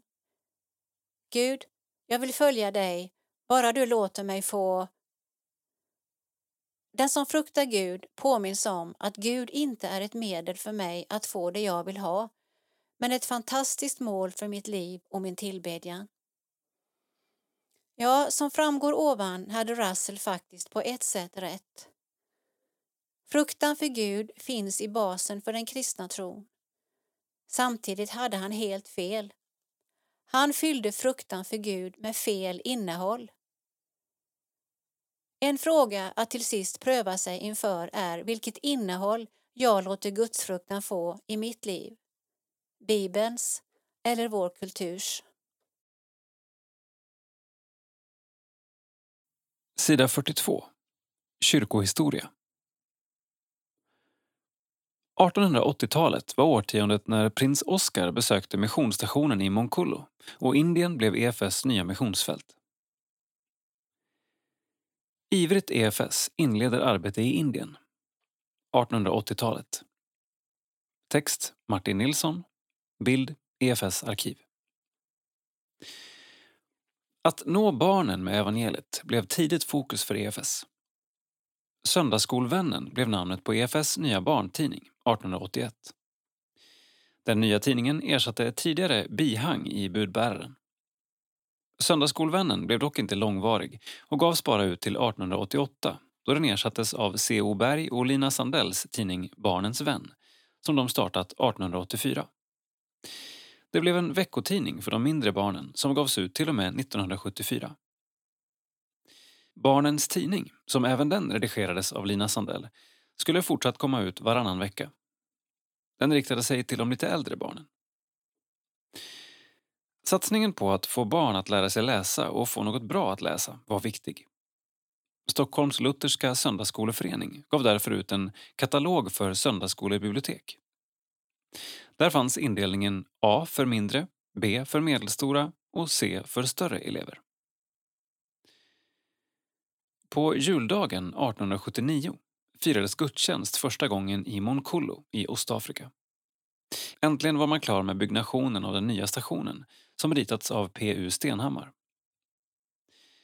Skolan flyttades från Massawa och det startades även ett sjukvårdsarbete. Prästen och läkaren Carl Winqvist, som kom dit 1883, blev viktig i det arbetet. Moncollo blev en tillflyktsort för slavar som friköptes men också ortodoxa präster från höglandet som uteslutits från sin kyrka när de nåtts av läsarväckelsen. De sökte sig till Moncollo för att få skydd och hitta trosfränder. Passande nog betyder namnet allas moder. Den 21 februari 1885 fick man ett stort besök då den svenska fregatten Vanadis med prins Oscar Bernadotte ankrade i Massawa. Det blev ett par intensiva dagar med besök på stationen i Moncullo, jakt i bergen och barnen fick gå ombord på skeppet. Det skrevs om besöket i Post och inrikes tidningar och blev därmed känt i Sverige. Prins Oscar skrev i Varde ljus 1913. Vad jag där i Moncollo såg gav mig, då en ung man, rätt mycket att tänka på. Gud gav mig där en av dessa stötar framåt varigenom han vill hjälpa oss människor in på livets väg. Mellan åren 1880 till 1888 var det sammanlagt fem elever från Afrika på Johannelund. Men då hade Onesimus redan varit där under åren 1876 till 1881. De hade i Massawa och Monkullo fått lära sig svenska med tanke på möjlighet till vidareutbildning i Sverige. Allt var i syfte att få inhemska medarbetare till arbetet. De kunde språket och kulturen på ett helt annat sätt än missionärerna och flera av dem blev värdefulla i arbetet när de återvände. Svårigheter och dödsfall i Ostafrika innebar inte färre utan fler missionärskandidater och EFS sökte ett nytt missionsfält. Det blev Indien. De fyra första Indienmissionärerna, Eriksson, Edman, Danielsson och Ungert, kom till Indien vid jultiden 1877. De två första missionsstationerna blev Narsingpur och Sagar 1878 och sedan Betul 1881. Det såg mörkt ut för missionärerna. Det tog tid att lära sig språket och många hindupräster varnade folk för att lyssna på dem. Men 1880 hände det. Den första att döpas blev en brahmin som hette Nandkishor som i dopet även fick namnet Ruben. Uno Axelsson, som varit Indienmissionär, har skrivit om händelsen i sin bok I kamp för Indiens räddning. Där låter han missionären Lars-Erik Ungert berätta om dopet av Ruben den 7 maj 1880 klockan sju på morgonen. Efter ett och ett halvt års mödosamt arbete och mycken bönekamp hade äntligen missionens förstlingsfrukt vunnits. I dopet fick han namnet Ruben. Himlen doldes bara av ett moln. Hans hustru ville inte följa honom. Han reste ner till Surki för att försöka förmå henne att komma till Saugor. Men Odeti var en bestämd kvinna. Hon vägrade absolut. Slutligen beslöts att några av hennes släktingar skulle följa med till Saugor och bo hos Ruben en tid för att närmare beskåda hans nya tro.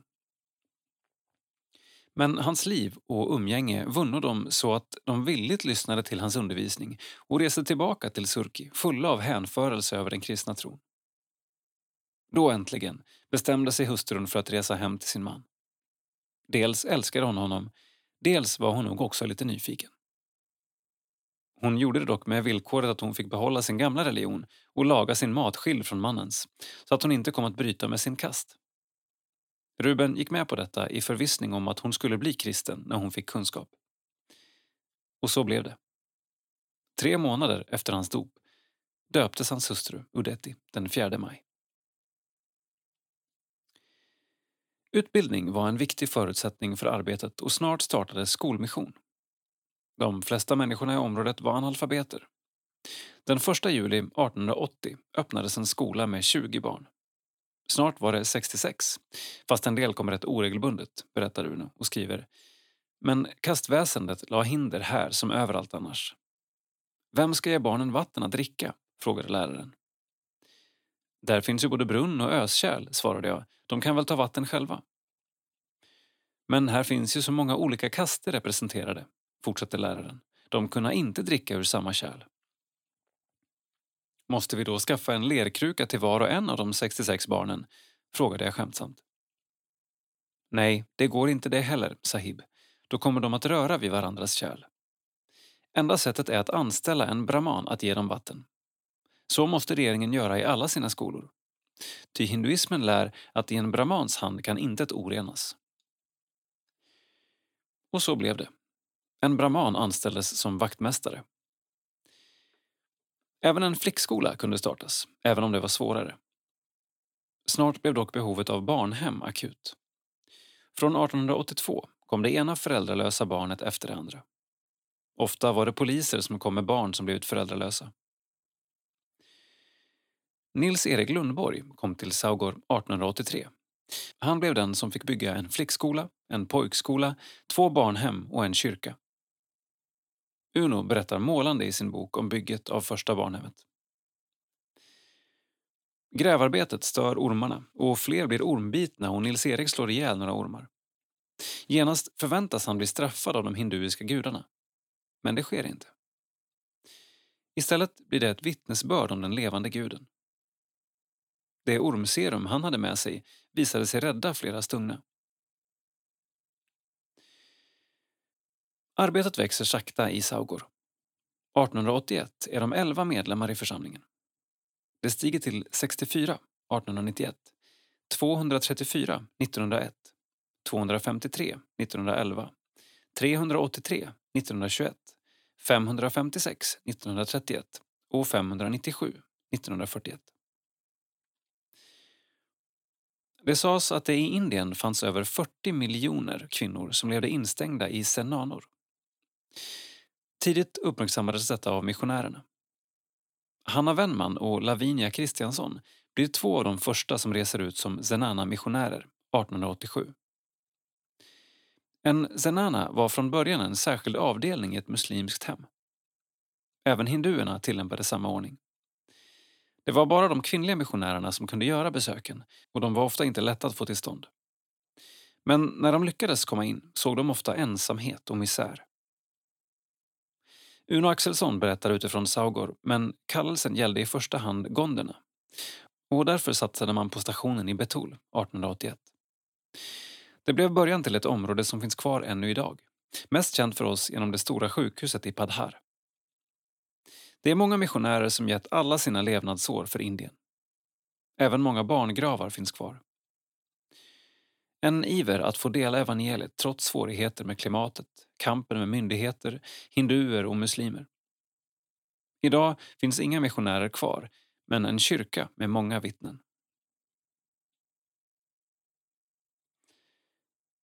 Kommentar Man slås återigen hur förankrat dagens EFS är i sin historia.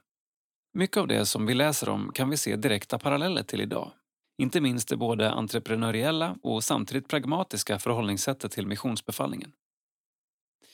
Än idag beslutar vi om att öppna upp nya missionsfält samtidigt som banden till det som nu är våra systerkyrkor är starka.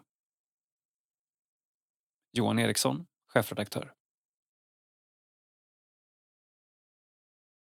Sidan 46. Kultur, läsning.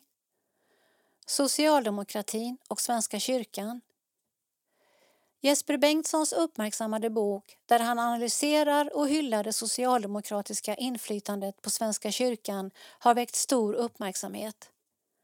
Text Niklas Adell, bild Mårten Gudmunds slash Svenska kyrkan.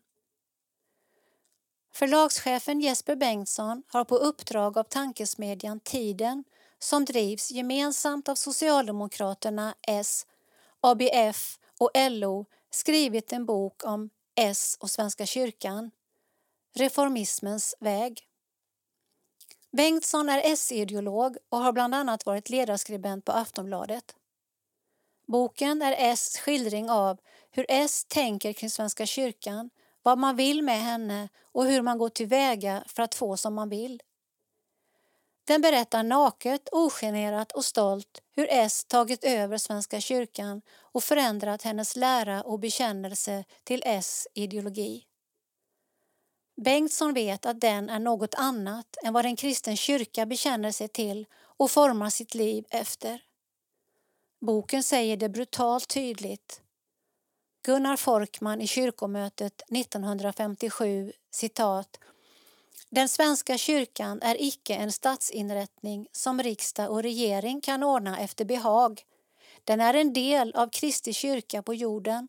Dess högsta auktoritet är inte folkmajoritetens vilja, tidens krav eller annat sådant. Det avgörande för den är vad dess Herre vill. Det öppnar sig en avgrund mellan denna kyrkosyn och den bild av kyrkans roll och funktion som präglat socialdemokratisk politik under 1900-talet och det tidiga 2000-talet."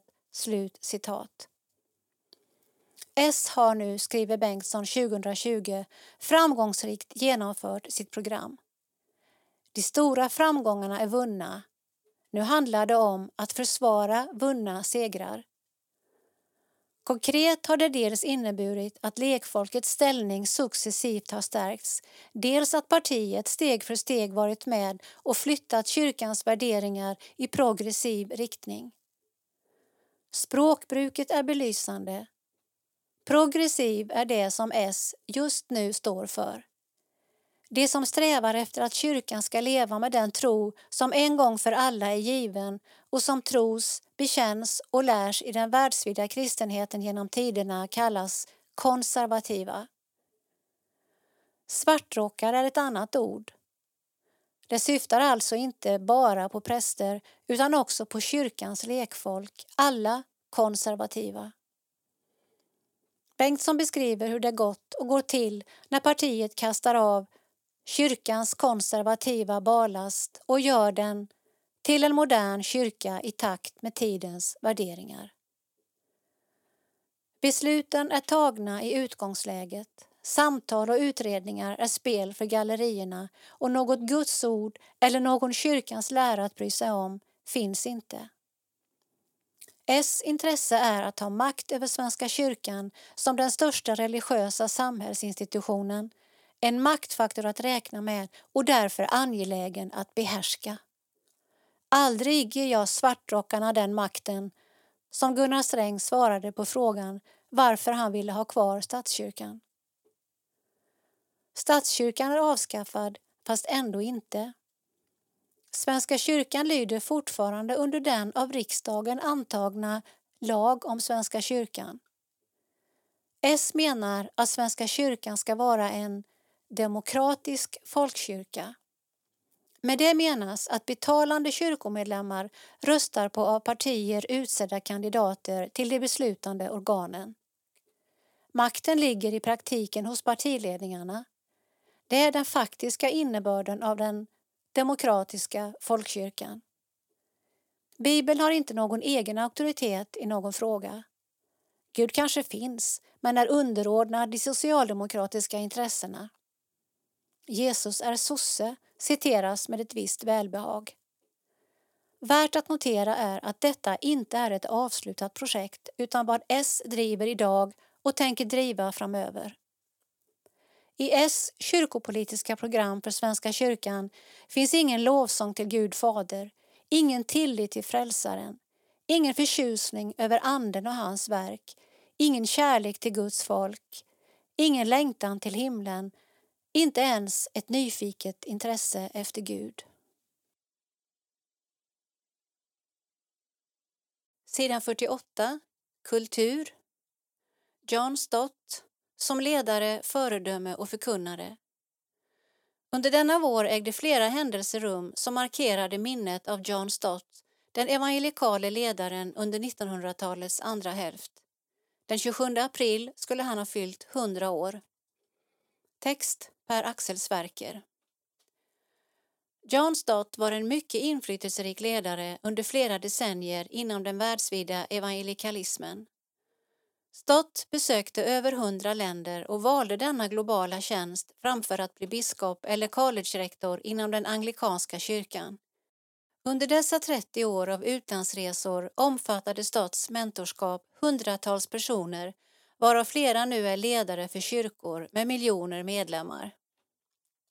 Stott bidrog på ett betydelsefullt sätt till den explosiva tillväxten i dessa länder. Det har visat sig att hans insatser bland majoritetsvärldens kristna bidrog till att vitalisera de viktigaste delarna av den evangelikala rörelsen med hans fokusering på Bibelns och korsets centrala ställning inom kristet liv. Den största effekten av John Stotts ledarskap kom av en Kristuslik karaktär.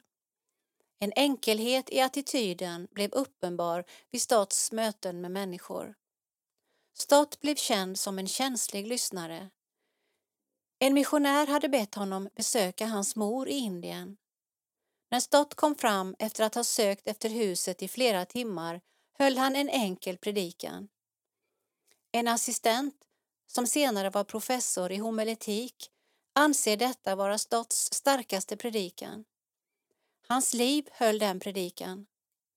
Han var i Indien för att tala om viktiga saker för viktiga ledare, men hans kristna karaktär ledde honom till bakgården med den gamla kvinnan. Stott önskade förmedla en undervisning som svarade på de nya utmaningar som mötte de kristna. Han var övertygad om att en medveten reflektion behövdes. Som förkunnare gav Stott stor betydelse åt sanningen i de bibliska lärorna. Hans huvudärende har då varit evangelistens, nämligen att skapa största möjliga trygghet i frälsningsfrågan. Hans erfarenheter från England hade lärt honom dialogens betydelse för att lyssna till vad andra säger om sin tro. I sitt arbete i majoritetsvärlden med dess utmaningar till religionsdialog har Stott visat att tolerans inte behöver utgå från ett relativt sanningsbegrepp utan är en fråga om en ödmjuk karaktär.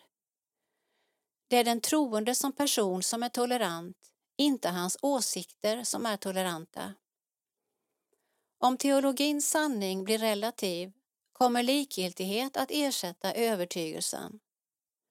Stotts teologi visar på glädjen i en djup sanningsövertygelse. I en av sina sista böcker ser Stott ödmjukhet som den mest nödvändiga följden av en evangelikal tro. Ödmjukhet har sin början i att böja sig inför Guds ord. Sin sista predikan höll John Stott 2007 på Keswick-konferensen kring temat Kristuslikhet. I sin predikan betecknade Stott Kristuslikhet som Guds vilja för Guds folk med praktiska uttryck i evangelisation och andligt liv. Främst påtalade han behovet av ödmjukhet. Ödmjukheten är förklaringen till denna evangelikala teologi från en klart reflekterande, varmt inkännande och djupt erfaren teolog som betjänade kristna ledare och läsare med en uppbygglig och uppbyggbar teologi. Denna radikala konservativa evangelikala teologi bestod det prov som den gångna generationen utsatte den för. Den visade sig också innehålla riktningsgivare för en förändrad evangelikal teologi som dock inte bör säga mindre än vad John Stott gjorde. John Stott var född den 27 april 1921. Han var verksam som präst i All Souls Church i London under 30 år. Stott var känd som en mycket fängslande bibellärare med aktuella tillämpningar och med en intellektuell framtoning. Stott var huvudförfattare till Lausanne-deklarationen 1974 som utgjort en ny startpunkt för evangelikalt missionstänkande och missionssamarbete. Han startade också den världsomfattande organisationen Langham International samt London Institute for Contemporary Christianity. Stott publicerade ett 50-tal böcker. I svensk översättning utgavs några på EFS-förlaget. John Stott avled den 27 juli 2011. Han är begravd i Dale, Wales, nära sin retreatgård The Hookses. Per-Axel Sverkers bok Frälsningens ord till förändringens värld, Bibel och evangelium i John Stotts teologi har givits ut av Libris förlag. Sidan 50 Kultur boksläpp Väckelsen som chockade Sverige Mitt i sekulariseringen uppstod Maranata som en väckelserörelse i Mellansverige under 1960-talet. Nu kommer en unik bok om den uppmärksammade rörelsen. Text Torbjörn Aronsson, bild Hans Brynte. Väckelserörelsen Maranata hade sin bakgrund i förnyelse och konflikter inom amerikansk, norsk och svensk pingströrelse. Väckelsen inspirerades av den så kallade helandeväckelsen i den amerikanska pingströrelsen. Tungotal, profetia, helande och ett informellt och spontant gudstjänstliv återupplivades. Det fanns en stark tonvikt på evangelisation och mission men väckelsen resulterade också i nya församlingsbildningar och samhällskritisk opinionsbildning. De tre ledargestalterna, Donald Bergagård, Erik Gunnar Eriksson och Arne Imsen, fick betydande medieutrymme och använde sig av nya populärkulturella uttrycksformer för att sprida väckelsen. De hade tidigare varit verksamma i pingströrelsen och Örebromissionen, de två svenska frikyrkor som i högre grad än övriga kännetecknats av pingstkarismatisk kristendom. Efter konflikter i slutet av 1960-talet byggde de var för sig upp egna missionsorganisationer och konferensverksamheter vilka har fortsatt till dags dato. Maranata bidrog till att vidga intresset för pingstkarismatisk kristendom bland vanligt folk och kristna utanför pingströrelsen. Från 1970-talet och framåt har sedan följt en rad olikartade rörelser och strömningar. Den karismatiska väckelsen och Jesusfolket, Livets Ord, Trosrörelsen, Oasrörelsen i Svenska kyrkan, Vinjard och New Wine, Hillsong och mycket mer. Idag finns dessutom omfattande församlingsrörelser och biståndsprojekt i Östafrika, Latinamerika och olika delar av Asien med ursprung i den svenska Maranata. Maranatas nya populärkulturella uttrycksformer handlade bland annat om musik, country, rockabilly, dansmusik, möteslokaler, Folkets hus, Folkets park, konsertlokaler, idrottshallar, cirkustält och medieanvändning, tv, radio, bandspelare, LP, EP, vilka i samtiden associerades med nöje och underhållning. Här sprängde Maranata de svenska frikyrkornas folkrörelsebaserade ideal. Maranata-evangelisterna lade grunden för en ny typ av kristen evangeliserande populärmusik. Under 1970 och 1980-talen fortsatte kristen populärmusik att växa och fick ökat utrymme i offentligheten.